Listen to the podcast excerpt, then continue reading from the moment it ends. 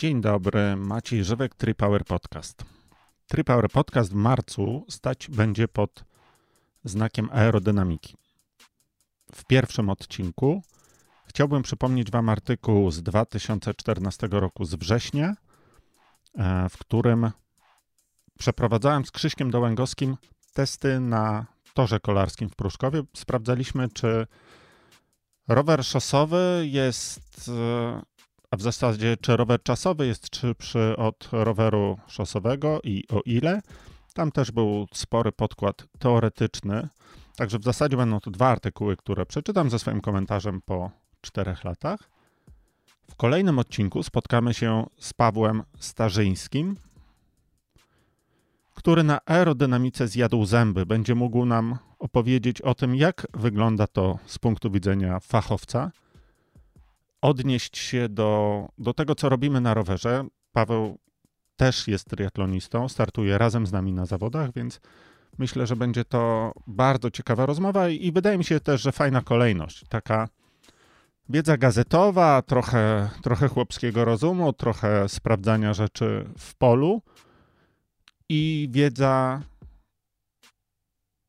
fachowa, z bardzo dużą dawką również e, praktyki, bo trzeba pamiętać, że e, Paweł nie tylko się o tej aerodynamice uczył z książek, ale jak sam stwierdził, przez te kilka lat przedmuchał ładnych kilka obiektów. Zapraszam. Dziś artykuł, za dwa tygodnie rozmowa z Pawłem. Ulepszamy rower w teorii. Prędzej czy później pojawi się u nas chęć ulepszenia naszego roweru. Na co należy zwrócić uwagę, kiedy będziemy chcieli wyciągnąć największe korzyści z wydanej na ten cel złotówki? Spróbujmy zrozumieć kilka teorii leżących u podstaw konstruowania sprzętu dla triatlonistów. Kiedy jazda na rowerze sprawia najwięcej przyjemności? Znacie to uczucie, kiedy wydaje się Wam, że pędzicie niczym zawodnik Tour de France. Asfalt ucieka spod kół, a krajobraz widziany kątem oka rozmywa się we wstęgę kolorowych linii. Takie wrażenia najłatwiej osiągnąć na alpejskich zjazdach, które niestety nie stanowią e, typowych terenów treningowych przeciętnego polskiego amatora. W podwyższaniu średniej pomaga nam również odpowiedni trening, ale nie tylko. Choćby część celu możemy osiągnąć poprawiając właściwości naszego sprzętu. Jeśli kierowalibyśmy się informacjami z reklam, wystarczy kupić cokolwiek, aby być szybszym. Niestety, w realnym świecie nie wszystko sprawdza się tak doskonale, jak podczas testów laboratoryjnych. Jeżeli mamy dokonać racjonalnych wyborów, skupmy się na kwestiach mających największe znaczenie. Mniejsza waga. Ile waży ten rower? Hm, ten rower jest naprawdę szybki. Proszę sprawdzić, jaki jest lekki. No cóż, to kryterium w praktyce nie ma większego znaczenia. Różnicę wagi rzędu 1500 gram będziemy mogli wyczuć dopiero na podjazdach o nachyleniu 10%. Jeżeli nie wybieramy się na Alp d'Huez Triathlon, nie kierujmy się tym parametrem. Z tego co pamiętam, to e, lokalesi mówią Alpe d'Huez, ale zostawmy to tak, jak jest w artykule. Zdecydowanie większe znaczenie będzie miała aerodynamika, w szczególności w przypadku triatlonu. W porównaniach nowe rowery z grupy Aeroad, Giant Propel, Specwenge czy Cervelo S5 wygrywają ze swoimi super lekkimi rywalami, nawet w sytuacjach podjazdów o nachyleniu 8%, pomimo wyższej wagi. Tu kolejna uwaga. Pamiętajmy oczywiście, że to jest artykuł z 2014 roku. Te modele mogły pojawić się nowe, mogły się trochę zmienić, ale zasada cały czas pozostaje ta sama. A więc bardziej aero. Aerodynamika jest bardzo skomplikowaną nauką. Wczorajsze odkrycia stają się zapomnianymi eksperymentami już jutro. Na szczęście podstawy pozostają od lat niezmienne, więc właśnie ją powinniśmy traktować jako priorytet przy doborze sprzętu. Być może już za rok nie będzie on już tak nowoczesny, ale wciąż będzie należał do właściwego nurtu rozwoju. Czytając tabele porównawcze, pamiętajmy o zachowaniu odpowiedniej perspektywy. W interesujących nas przedziałach prędkości rower będzie stanowił zaledwie 25% lub mniej oporów wstawionych powietrzu.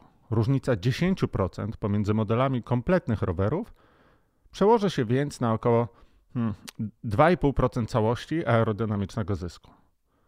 Jeżeli pod uwagę będziemy brać poszczególne elementy koła, kaski, ramę, różnice z porównań będą jeszcze mniejsze w przełożeniu na realne warunki. Komfort. Nawet najszybszy rower nie pomoże, jeżeli nie będziemy mogli przyjąć na nim wygodnej pozycji. Stąd właśnie zrodziła się idea bike fittingu. Nie bójmy się odpuścić nieco z profesjonalnego wyglądu na rzecz funkcjonalności i realnych szans na zachowanie efektywności przez cały czas trwania wyścigu. Mięśnie ustawione w niewygodnym, przykurczonym lub zbyt rozciągniętym ułożeniu ciała będą się męczyć znacznie szybciej. Będzie to z całą pewnością również źródło poważnych problemów podczas biegu.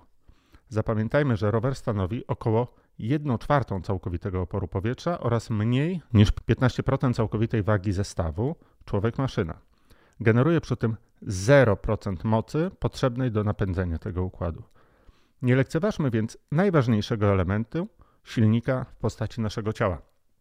Tu oczywiście chciałbym e, zwrócić uwagę na, na tą niewygodną pozycję i to naciąganie poszczególnych partii mięśniowych, ponieważ rzeczywiście na biegu będziemy tak silni, jak nasz najsłabszy mięsień. Więc jeżeli w tej właśnie niewygodnej pozycji pojechaliśmy na mięśniu, którego praktycznie nie używamy, natomiast stanowi jakąś, jakiś element stabilizacji lub element wsparcia później e, w trakcie normalnego biegu, to pozbawieni tego elementu wsparcia się po prostu posypiemy i to są stąd się biorą te wszystkie bomby i takie tego typu wynalazki, które przytrafiają się w szczególności na, w szczególności na długich startach.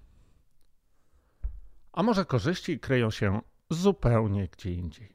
Ramy koła kaski to wszystko należy do głównego nurtu rozważań potencjalnych klientów. Czasem warto jednak przyjrzeć się tematom nietypowym, nowym lub będącym pochodną odkryć na innych polach. Takim przykładem może być wprowadzenie szerszych opon w rowerach wyścigowych. Nie byłoby tego pomysłu, gdyby nie zmiany w konstrukcji obręczy. Więcej gumy. Przeszłości sprawy były bardzo proste.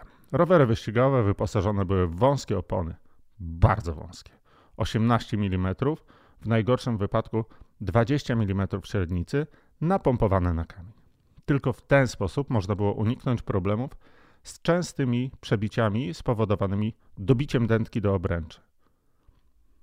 Od pewnego czasu 23 mm są normą, która pozwala na bardziej komfortową jazdę bez potrzeby pompowania kół do granic wytrzymałości. Okazuje się jednak, że wraz z rewolucją w konstruowaniu obręczy, polegającą na stosowaniu szerszych, bardziej aerodynamicznych wersji, zaczęto także eksperymentować z oponami o większej średnicy. Taki zestaw miał uzasadnienie nie tylko ze względu na lepszy przepływ strumienia powietrza, ale również pozwalał na poprawienie przyczepności i dopasowanie do wagi użytkownika dzięki większej tolerancji na stosowane ciśnienie.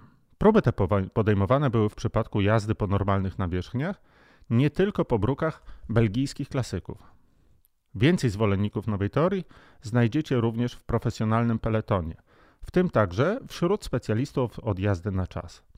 Z przeprowadzonych testów wynika, że szersze opony stwarzają mniejsze opory toczenia, co w pierwszej chwili wydaje się niezgodne z intuicyjnym podejściem.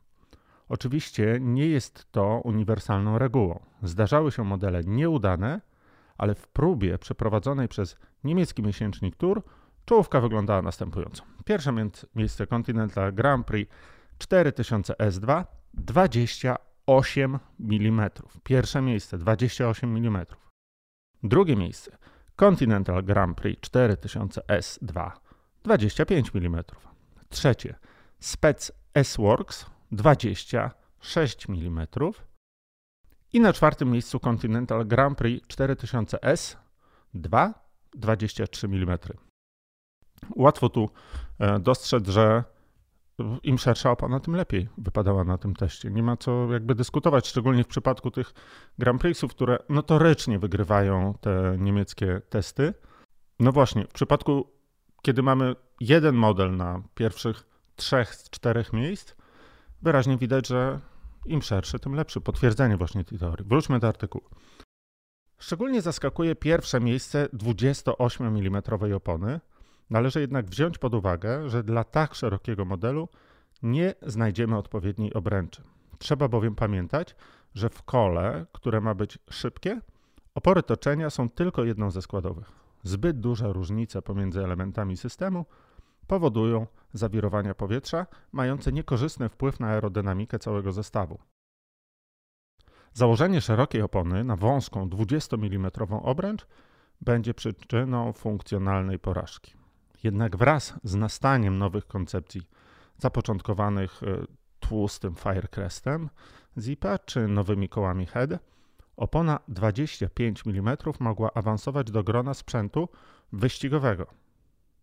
Ciekawą właściwością było również niewielkie zwiększenie oporów toczenia w przypadku zastosowania niższego ciśnienia, co z kolei umożliwia znacznie większy komfort jazdy. Komfort nieosiągalny w przypadku bardzo wąskich opon z racji zbyt wysokiego ryzyka wspomnianego wcześniej dobicia. Słabo dopompowanej dętki. Kolejne korzyści pojawiają się niczym efekty reakcji łańcuchowej. Niższe ciśnienie pozwala na lepszą przyczepność, w szczególności na drogach, których stan pozostawia wiele do życzenia. Nasze koło nie podskakuje tak bardzo na drobnych nierównościach, co ma bezpośrednie przełożenie na ilość pracy, jaką musimy wykonać, aby utrzymać zadaną prędkość. Jeżeli jeździcie czasem w grupach, znacie z całą pewnością ten moment, kiedy prędkość peletonu na odcinku o słabej nawierzchni nie spada, za to wzrasta znacznie poziom odczuwalnego wysiłku. Z szerszą oponą ten problem powinien być mniej dokuczliwy. Minusem z całą pewnością jest waga zastosowanego rozwiązania, ale niedogodność ta nie jest w stanie stawić czoła szeregowi plusów wynikających z testów i porównań. Wydaje się więc, że opony 25 mm wkrótce staną się nowym standardem i w kolarstwie szosowym, i w triatlonie. Lista korzyści jest zbyt długa, żeby potraktować tę nową tendencję jako sezonową modę, o której szybko zapomnimy. Te wszystkie przykłady stanowią bardzo przekonujący zestaw e, argumentów. Pochodzą one z dobrze udokumentowanych testów i badań.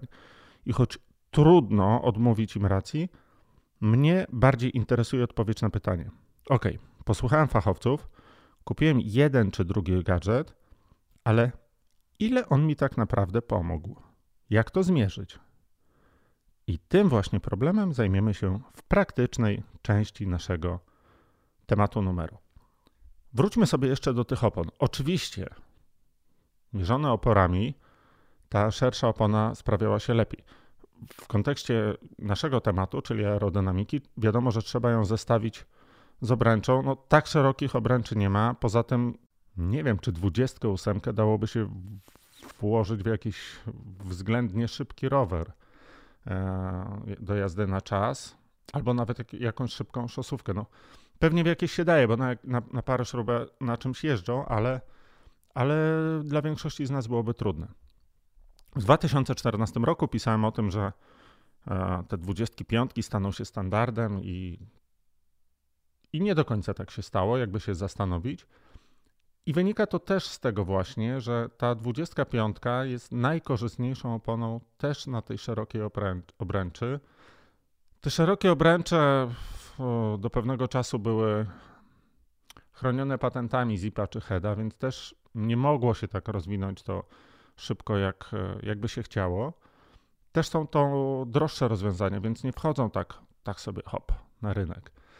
E, nadal na tych Chińczykach zwykle opona 23 mm będzie sprawowała się lepiej, ale no, myślę, że Potrwa to może trochę dłużej niż myślałem. Nie doceniałem wtedy tego, że, e, że jednak tańszy sprzęt na rynku będzie się trzymał mocno, ale e, no, no tak jak widzimy, wszystkie argumenty wskazują na, na szersze opony w przyszłości, więc jeżeli budujecie sobie jakiś zestaw i myślicie o tym, żeby on był szybszy, to, to warto o tym pamiętać. Pamiętam też taki artykuł, e, w którym opisywałem właśnie problem obręczy i wróciłem tam do doświadczeń Zipa z ich kołem 303, chyba 303. E, kołem, którego używali na pary śrubę i ono, kiedy wprowadzali je na rynek, ono im się totalnie sypało. E, oczywiście to nie była jeszcze faza, kiedy to koło trafiało do, e, do klientów, tylko było używane przez zawodników testowo, no ale były z tym straszne problemy i mm, był wyraźny problem z wytrzymałością, chociaż zastanawiano się, no, no, nie był to problem jakościowy, ten materiał nadal był bardzo dobry, ale z niewiadomych względów te koła im pękały. I wtedy zaczęli eksperymentować właśnie z szerszymi oponami, między innymi szykując się do któregoś pary śrubę. I stamtąd właśnie wzięły się te, mm, te doświadczenia z oponą szerszą, sprawiającą w praktyce mniejsze opory. Oczywiście wychodziło to na miernikach mocy, kiedy nagle się okazywało, że nieco e, grubszy sprzęt powodował te same prędkości przy mniejszej generowanej mocy, a poza tym te koła przestały pękać. To było chyba najważniejsze w tym, w tym wszystkim. Tam też zetknąłem się z tymi takimi, nazwijmy to, mikropodskokami, prawda? Było to wyjaśnione, że to koło większe, bardziej miękkie, lepiej się klei do nawierzchni, lepiej przenosi napęd. Nam się wydaje, że taki flak to, e, no to się po prostu marze po tym asfalcie i to to nie zbiera się tak szybko. Po pierwsze, to nie jest flag, a po drugie, właśnie pozwala uniknąć tego. Nasz, mi, mi, było na początku trudno w to uwierzyć, tego podskakiwania na rowerze. Ten rower na napompowanej na kamień oponie, on nie trzyma się cały czas na asfalcie. On cały czas sobie minimalnie podskakuje, może, może nie tyle fruwając w powietrzu, co nie mając tak dobrej przyczepności. I ten nasz napęd idzie trochę taka para w gwizdek przy tym, kiedy koło nie, nie trzyma się tak dobrze asfaltu. Mam nadzieję, że udało mi się przekazać mniej więcej ideę tego, skąd te grube i trochę mniej napompowane opony lepiej się sprawdzają w praktyce. Przy artykule była jeszcze taka ramka, w której zastanawiałem się, ile kosztuje taki jeden urwany wat, kiedy robimy sobie zmiany na rowerze. To zaraz sobie do tej ramki przejdziemy. Po ile te waty? Bez treningu nie osiągniemy poprawy wyników, ale odpowiednio dobranymi zakupami możemy sobie trochę pomóc. Testy poszczególnych elementów wyposażenia mogą być tu cenną wskazówką. Nie zapominajmy przy tym, że korzyści te się nie sumują. Rower jest jak peleton, w którym kolarze jadący z tyłu korzystają z aerodynamicznego cienia zawodników z przodu. Właśnie dlatego, jak zachowa się tylne koło, rama, kask czy strój, zależy od całości systemu. Traktujmy więc te wskazówki z pewną rezerwą i zachowaniem zdrowego rozsądku. Strój startowy. O jego jakości stanowić będą materiały, z których został wykonany i odpowiedni dopasowany krój.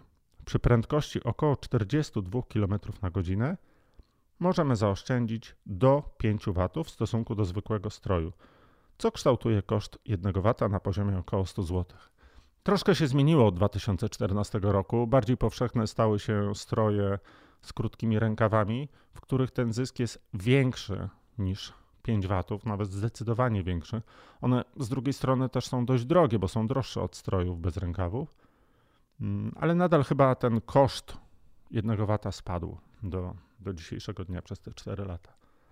Kierownica Aero pozwala na przyjęcie aerodynamicznej pozycji, która pozwoli nam zaoszczędzić nawet 60 W przy prędkości 45 na godzinę.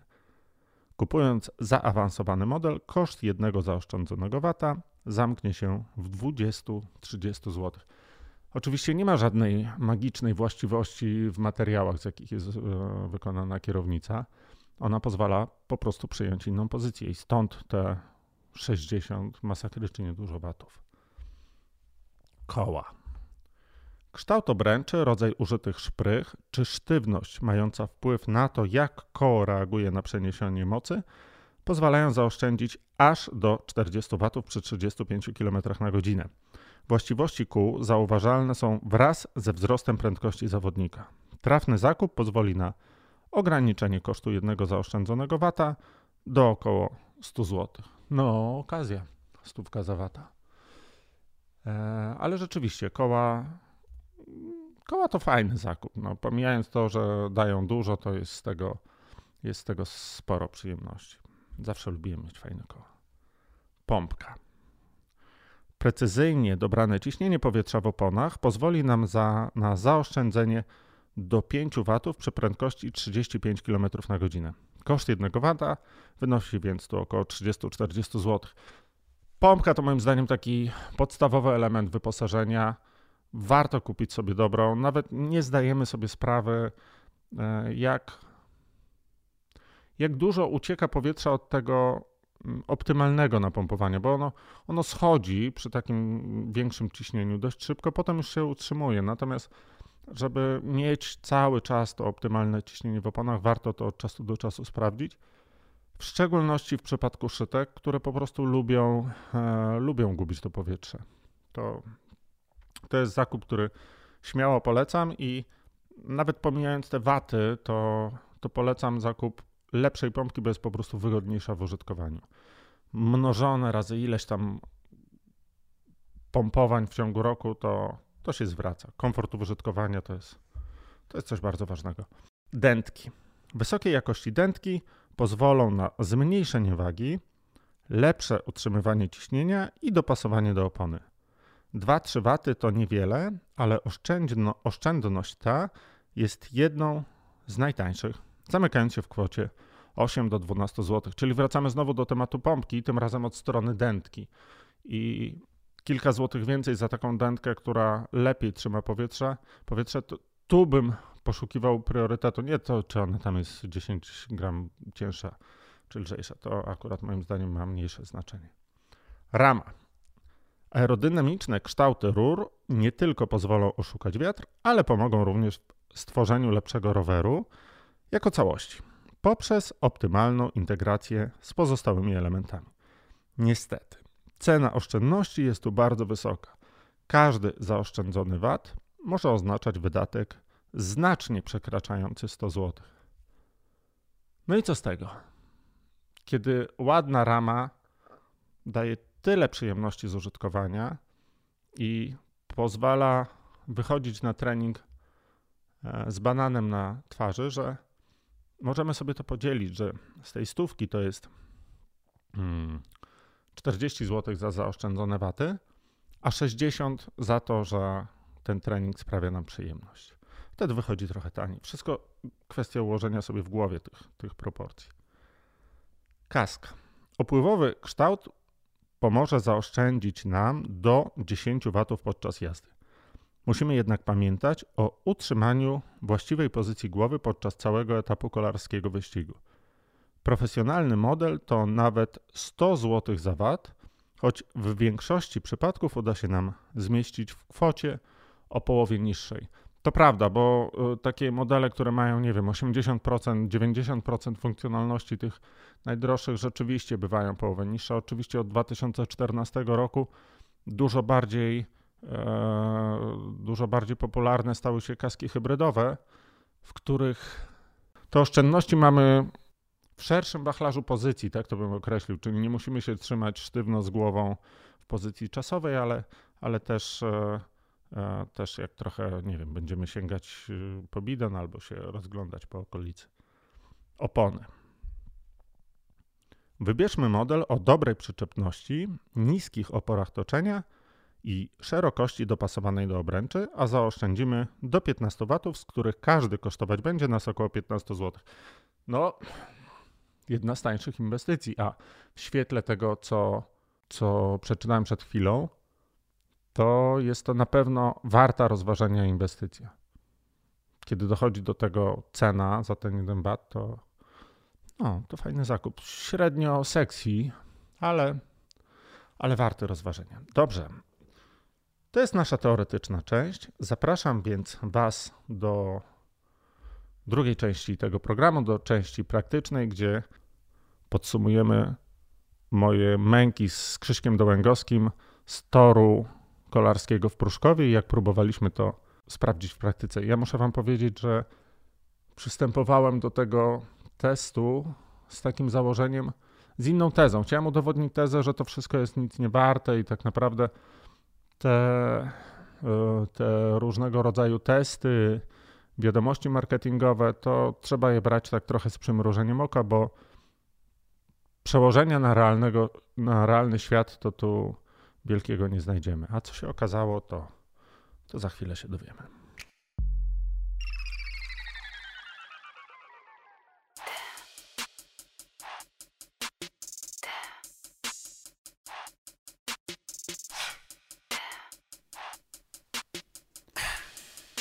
Ok, ok, ok. Jedziemy z e, częścią praktyczną.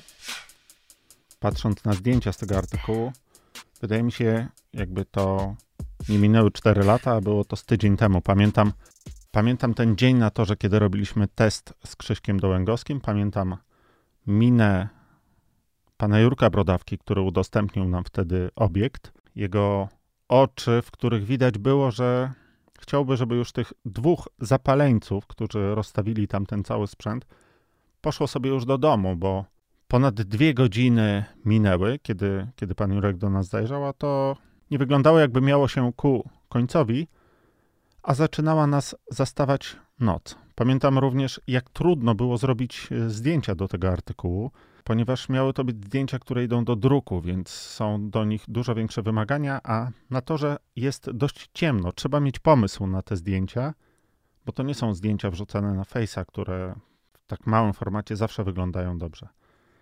Sporo się działo, sporo się działo. Okulary na nosie, jedziemy.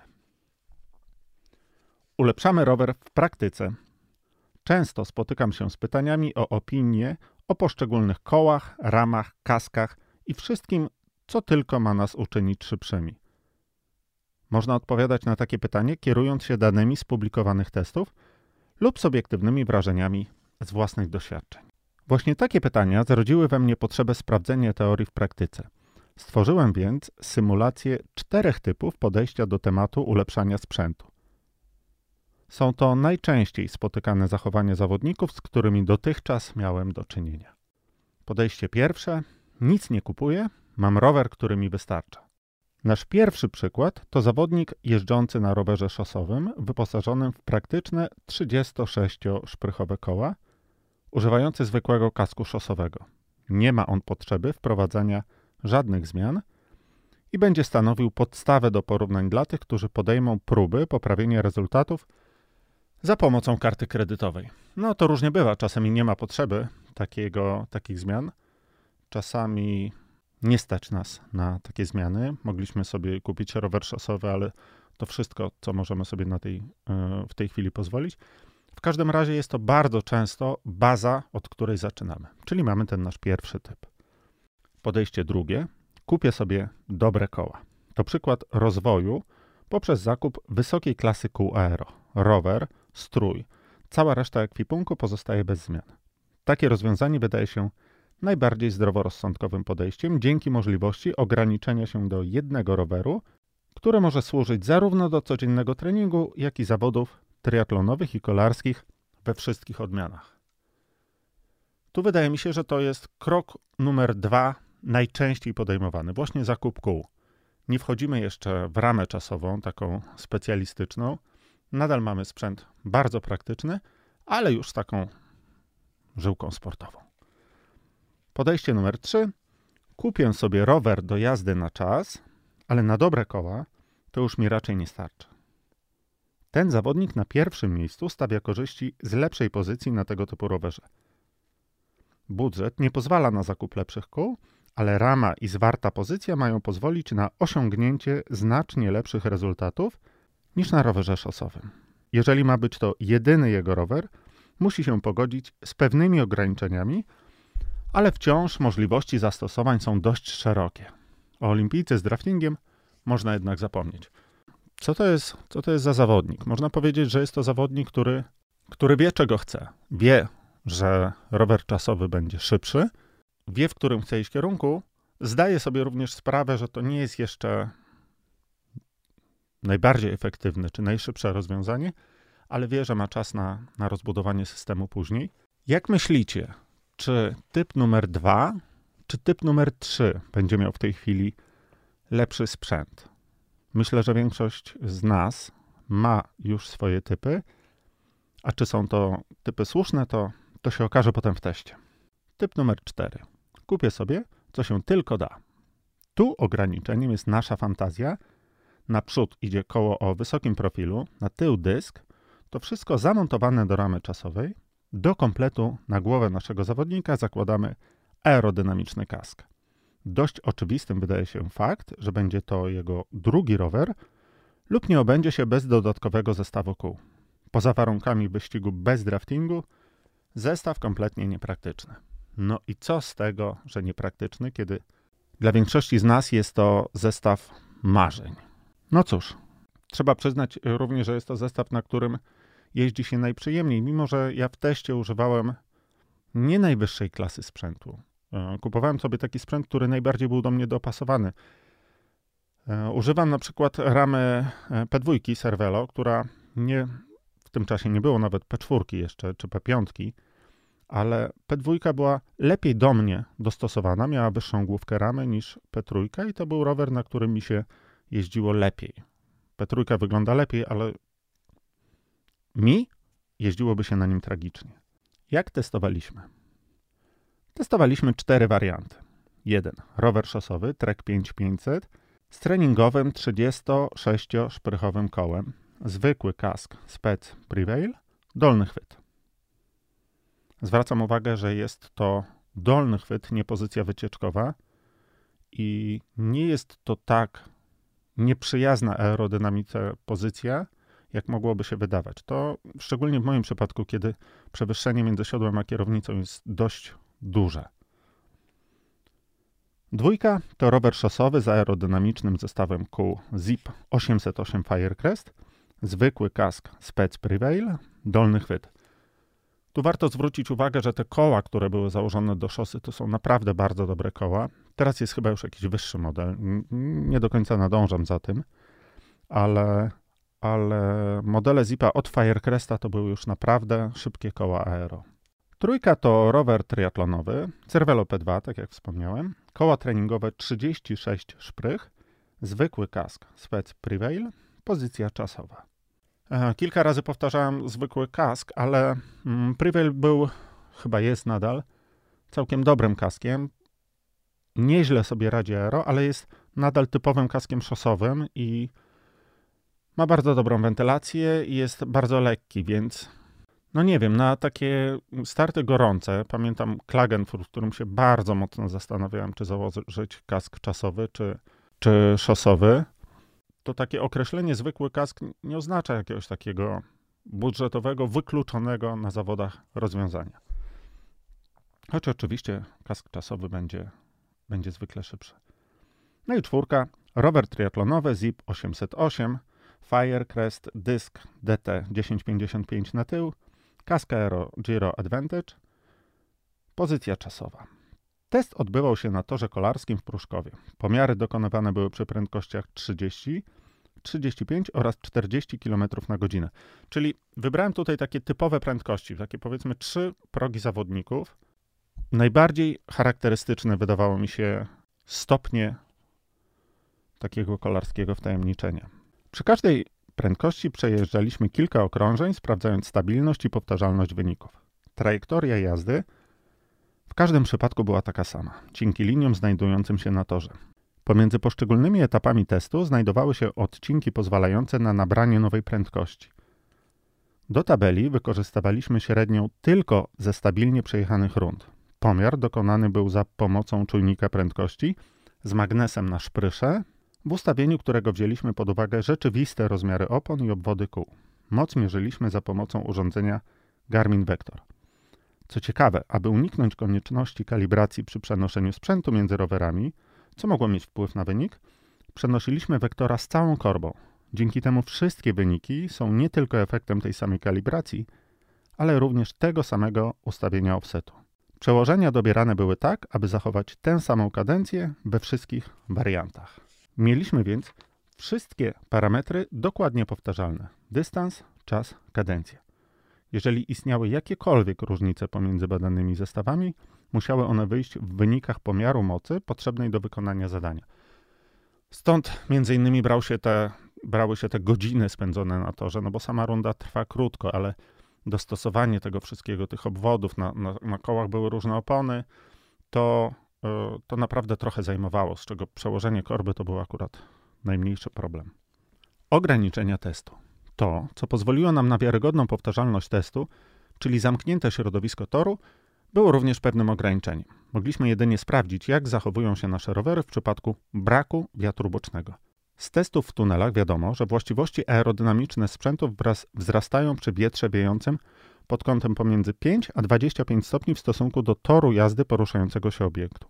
Teoretycznie więc stworzyliśmy bardzo trudne warunki do sprzętu aero do udowodnienia jego wyższości nad treningowymi odpowiednikami. Kolejnym uproszczeniem było stosowanie gotowych zestawów. Wynikało to zarówno z czasu, jaki mieliśmy na przeprowadzenie eksperymentu, jak i z liczby kombinacji, jaka wytworzyłaby się przy uwzględnieniu wpływu każdego elementu naszego wyposażenia. Charakter testu nie stwarzał również potrzeby poszukiwania perfekcyjnego zestawu. Chodziło mi o to, że wybieramy takie gotowe paczki, nie, nie rozdrabniamy się na to, czy jak zmienimy kask, to trochę to zmieni, czy jak zmienimy strój, to trochę to zmieni. Powstałaby taka masa danych, że moim zdaniem powstałby z tego bałagan. Poza tym też szukaliśmy jasnych odpowiedzi, czy warto iść w jakimś kierunku, a nie który z tych najdrobniejszych elementów składowych ma największe znaczenie. Wyniki zamieściłem w tabeli uwzględniającej nasze cztery warianty ustawień. Zanim jednak omówimy rezultaty, warto wspomnieć o subiektywnych wrażeniach. Podczas testu nie sprawdzałem wskazań miernika mocy na żadnej z prób, nie chcąc sugerować się odczytami, zachowując w ten sposób chłodny obiektywizm. Miałem jednak wrażenie, że jazda na najbogatszym wariancie jest znacznie łatwiejsza przy najniższej prędkości oraz dość trudna przy 40 km na godzinę. Wszystkie pozostałe próby wydały mi się bliźniaczo podobne. W ślepym teście nie byłbym w stanie wyczuć różnic na tak krótkich odcinkach. Może być to głosem w dyskusji nad przydatnością kontroli tempa kierowanej poziomem odczuwalnego wysiłku w warunkach podwyższonego stresu podczas testów czy startów. Jakie wnioski możemy wyprowadzić po zapoznaniu się z tabelą? Po pierwsze, przy prędkości 30 km na godzinę prawie nie ma znaczenia, jakiego sprzętu używamy. W teście nieco gorzej wypadł trek na zipach, ale było to w granicach tolerowanego błędu, którego poziom istotności oceniam na 10 W. 30 w przypadku braku wiatru to naprawdę niewielki wysiłek, na to, że największym problemem było utrzymanie się na pochyłych łukach. Ale taka prędkość jest dość częsta wśród uczestników zawodów. Wyjątek w tej rubryce stanowił nasz zestaw premium, co było dla mnie sporym zaskoczeniem. Nie spodziewałem się różnic już na tym poziomie. Obiegowe prawdy mówią o przydatności sprzętu aero od 35 km na godzinę i więcej. W omawianym zakresie prędkości pojawienie się na linii startu w pełnym ekwipunku bywa najczęściej przyczyną drwiących uśmiechów rywali. Okazuje się, że niesłusznie. Zaobserwowane ponad 40 watów różnicy stanowi istotną wartość zarówno w ujęciu bezwzględnym, jak i procentowym. Przy jeździe w okolicach 18-20 km na godzinę teoretycznie zaledwie połowa sił, które musimy pokonać, pochodzi z przełamywania oporów powietrza. Resztę stanowią wszelkie tarcia razem wzięte. Jednak w omawianym przez nas obszarze ta proporcja zmienia się jak 75 do 25. Mówię tutaj o prędkości 30 na godzinę. Jest więc o co walczyć, wbrew teoriom utrwalonym wśród amatorów. Jak to wyglądało w tabeli? Przy prędkości 30 km na godzinę trek 36 to przy mojej wadze oczywiście 143 W, trek na zipach 155, serwelo na 36-szprychowych kołach 142, pełen zestaw serwelo na zipach i dysku 95 W. Nieźle, naprawdę nieźle. Jak to się rozwija dalej? Jeżeli przyjrzymy się kolejnemu przedziałowi, okaże się, że śmiać się może raczej nasz wykpiwany gadżeciarz. 151 W przy 35 km na godzinę oznacza, że jest on w stanie pojechać z taką średnią na tym samym zakresie generowanej mocy, co jego koledzy jadący o prawie 5 km wolniej. Jeżeli wszyscy są na tym samym poziomie wytrenowania, to kupiona prędkość na dystansie połowa Ironmana może oznaczać olbrzymi, około 20-minutowy handicap. 2,40 kontra 3 godziny. Nieprawdopodobna wręcz różnica. Nawet jeżeli obciążymy ją korektą ewentualnego błędu pomiaru, to i tak 10 minut wydaje się najmniejszą osiągniętą korzyścią. Ta uwaga o, o ewentualnym błędzie pomiaru jest mocno na zapas, bo ja naprawdę jestem dość pewien tych, e, tych naszych wszystkich wyników, bo one nie brały się z jednej czy dwóch rund. Poza tą rundą, taką rozbiegówką, gdzie nie wiadomo, że to jest e, trochę zakłócone, bo zależy jak się rozpędzam i tak dalej, i tak dalej, to rundy mierzone były bardzo równe i było ich dużo. One nie różniły się między sobą. To nie była wyciągana jakaś średnia z takiej rozstrzelanych wartości. To, co wychodzi w tej tabeli, było naprawdę wszystko bardzo, bardzo blisko siebie. Jest ta sama temperatura, zero wiatru, te same warunki. Naprawdę to było bardzo powtarzalne. Z dalszych obserwacji wynikają kolejne prawidłowości. Treningowy rower na 36, 36-szprychowych kołach w średnich i wysokich zakresach traci do wszystkich konkurentów wyraźnie. Czasówka z dyskiem już zawsze pozostaje liderem, choć wraz ze wzrostem prędkości przewaga w ujęciu procentowym maleje. Ciekawe jest, że w każdym zakresie przeprowadzonego eksperymentu szosowy rower wyposażony w topowe koła idzie łeb w łeb z czasówką na 36 szprychach. Musimy oczywiście pamiętać, że wszystkie próby przeprowadzone były podczas jazdy w dolnym chwycie, który jest dość wymagający do utrzymania podczas długiego dystansu. Założyłem jednak, że zawodnik szukający poprawy w sprzęcie stara się walczyć podczas startu. Jeżeli miałby jechać w pozycji wycieczkowej, zastanawiałby się raczej nad kolorem wygodnej Amsterdamki, a nie doborem kół startowych. Wróćmy sobie do tabeli. Co oznacza ten lider, co oznaczają te podobne wartości? Swoją drogą, mm, pytałem na początku tego artykułu Was, który, który z wariantów, wariant numer 2 czy wariant numer 3 będzie Waszym zdaniem szybszy, czyli szosówka na szybkich kołach, czy czasówka na słabych kołach? I myślę, że większość z nas odpowiedziała zawsze czasówka, zawsze. Okazuje się, że nie, że oczywiście pozycja na rowerze czasowym jest o wiele szybsza, stawia o wiele mniejsze opory, ale od tej wycieczkowej pozycji na szosie, od takiej niższej, przy dobrych kołach, te wartości są bardzo podobne, bo spójrzmy sobie, kolejne prędkości 30, 35 i 40 na godzinę. Pierwszy to jest trek na zipach, drugi serwelo na szprychach. 155, 142. Tu szosa była wolniejsza. Potem 197, 204. Tu okazuje się, że szosa była nieco szybsza. 272, 267. Znów bardzo blisko, przy 40 na godzinę. Generalnie można powiedzieć, że trudno wy wyłonić tu mm, wyraźnego lidera i mnie to zdziwiło, kiedy sobie przejrzałem wyniki z domu. Nie wiem, nie wiem, co wy o tym sądzicie. Co kupić? To pytanie przewija się niezliczoną ilość razy w rozmowach zawodników na każdym poziomie. Interpretacja testu pozwala na przyjęcie całkiem jasno spre- sprecyzowanych map drogowych postępowania. Dokupienie najwyższej klasy kół do posiadanej szosy wyrówna nasze szanse z rywalami jeżdżącymi na słabiej wyposażonych czasówkach, lecz na tym nasze możliwości rozwoju właściwie się kończą. Rower czasowy możemy w późniejszym czasie ulepszać w ramach dostępnego budżetu, dążąc do perfekcyjnego zestawu z dyskiem.